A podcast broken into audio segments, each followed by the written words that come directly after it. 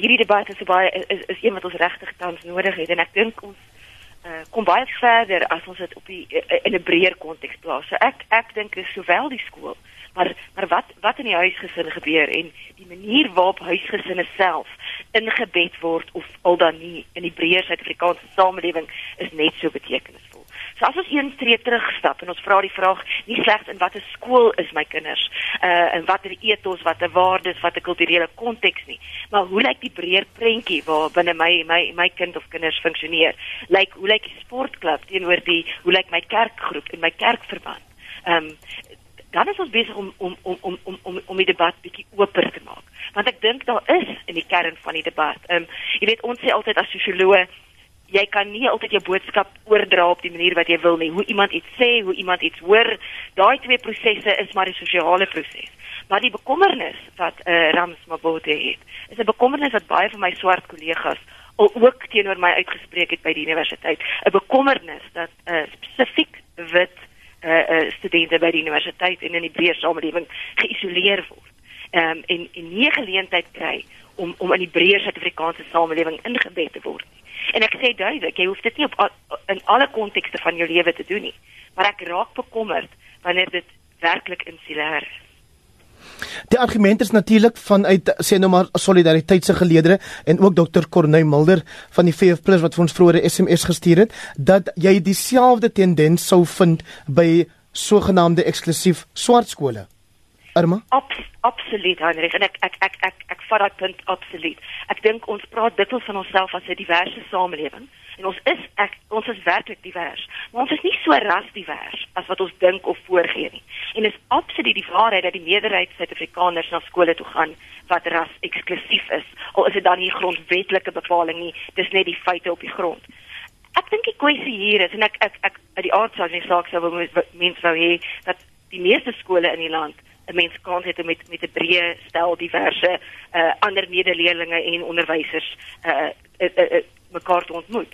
Uh, ek dink die kwessie is dat tot 'n mate en ek dink dit is moeilik in die Suid-Afrikaanse debat om dit so in te sien, maar maar maar wit Suid-Afrikaners spesifiek en ek bedoel hierdie gaan um, is is 'n minderheidsgroep.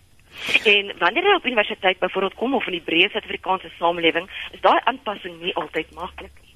En ehm um, die die kwessie dat hulle as 'n minderheidsgroep gesien word um, en die feit dat daar ontstans regtig in die land baie baie moeilike rasse kwessies moet prosesseer en dat daar rasse spanning is omtrent in al die kontekste waar ek waar ek werk. Uh, laat my besef dat 'n uh, 'n uh, 'n uh, 'n leerling of 'n kind of 'n jong volwassene wat uit die skoolwêreld tree, wat reeds 'n uh, 'n uh, stel persoonlike verhoudings het, uh, waarin hy of sy geken word, gerespekteer word met mense wat nie net uit dieselfde agtergrond uitkom nie. 'n Baie beter 'n uh, uh, beskerming het uh teen die teen die prosesering van die rasisme.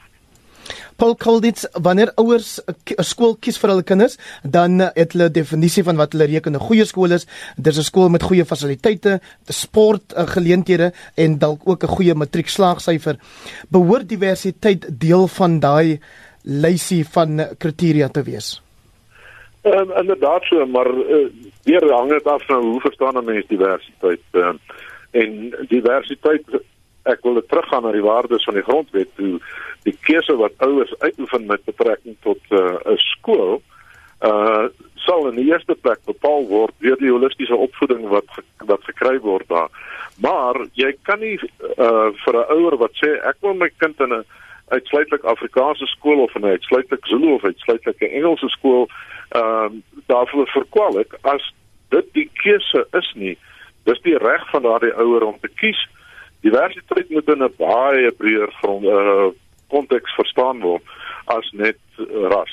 Behoort skoolbeheerliggame dan 'n groter rol te speel om seker te maak dat die wat dan nou die skool gekies het ook bewus gemaak word gesensiteer word oor die belangrikheid van diversiteit in die Suid-Afrikaanse konteks in elk geval Verseker natuurlik ja uh, en en juist daarom met ons van FETSA se kant af hierdie program vir waardig gedrewe skole wat gebaseer is op die grondwetlike grondliggende waardes van menswaardigheid, gelykheid en vryheid.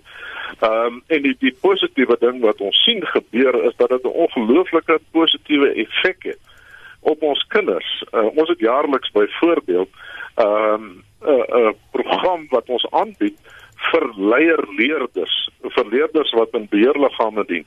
Ehm um, en mens kry hoendervleis as jy sien hoe hierdie mense uit totaal verskillende agtergronde uit verskillende tale, verskillende rasse, verskillende kulture baie gemaklik met mekaar saamwerk uh en uh met goeie interaksie met mekaar het saamgesels die probleme van die land verstaan bereid is om saam te werk om daardie probleme uh, te hanteer en op te los. Uh, baie ja. beter, dink ek. As wat uh baie van ons volwassenes in staat is om dit te doen. Dit is verseker so, daar's daar's baie 'n positiewe boodskap hierin. Dit is verseker 'n goeie program onder die leiding van Dani van Wyk, jou kollega daar in die Kaap, um, waar ek self al blootstelling gehad het. Irma, as ek kan terugkom na jou toe. As jy kyk na ander lande, sê nou maar Finland se so onderrigstelsel, is daar lesse te leer vir Suid-Afrika? Ehm um, die die die die die die skandinawiese lande is natuurlik 'n 'n besondere voorbeeld vir ons almal. Ons moet erken dis lande met baie diep hulpbronbasisse. So jy het 'n 'n besondere besondere hoogs gekwalifiseerde korpus onderwysers. Maar ek dink die die basiese beginsel van plekke soos Finland en elders is dat 'n enkel skoolstelsel uh, vir alle leerders in Finland beskikbaar gestel word sodat jy integrasie die die die Finse profiel lyk natuurlik baie anders as die Suid-Afrikaanse profiel, maar dat jy basies integrasie het op die basis van sosio-ekonomiese status, afkoms en herkoms en so. Ehm um, die stories het ons nie so stelsel geërf nie as gevolg van 'n uh, rasseverdeling onder apartheid en en uit die aard van die saak ek ek dink wat dalk uh, verrassend is uh, is dat meneer Mabote hoegenaamd die tyd neem om homself te interesseer oor hierdie kwessie is iets wat mens nie onverskillig oor moet staan nie. Want eh uh, Suid-Afrikaanse skole het 'n intakte skoolstelsel geërf. Is nie ontwrig deur die boikotte van die 1980s en die 1990s. Was dit anders by die Engelse skole? Ek ek ek praat van beide Afrikaans en Engelse skole. Ek praat van sowel Afrikaans as Engelse skole. Natuurlik sien ons vinniger uh, rasse-integrasie in in die Engelse skole weens die die status uh, van Engels as 'n ekonomiese taal sou ek sê as as die basiese vertrek. Paul Kolwitz baie kortliks 'n laaste vraag, dink jy help mekaar word onregverdiglik uitgesonder hierson? Ja, absoluut, ek het geen twyfel daaroor nie. Baie dankie dit dan Paul Kolditz van die beheerliggaam of die er Federasie van Beheerliggame van Suid-Afrika en Irma Du Plessis, Dr Irma Du Plessis, sy is 'n sosioloog verbonde aan die Universiteit van Pretoria.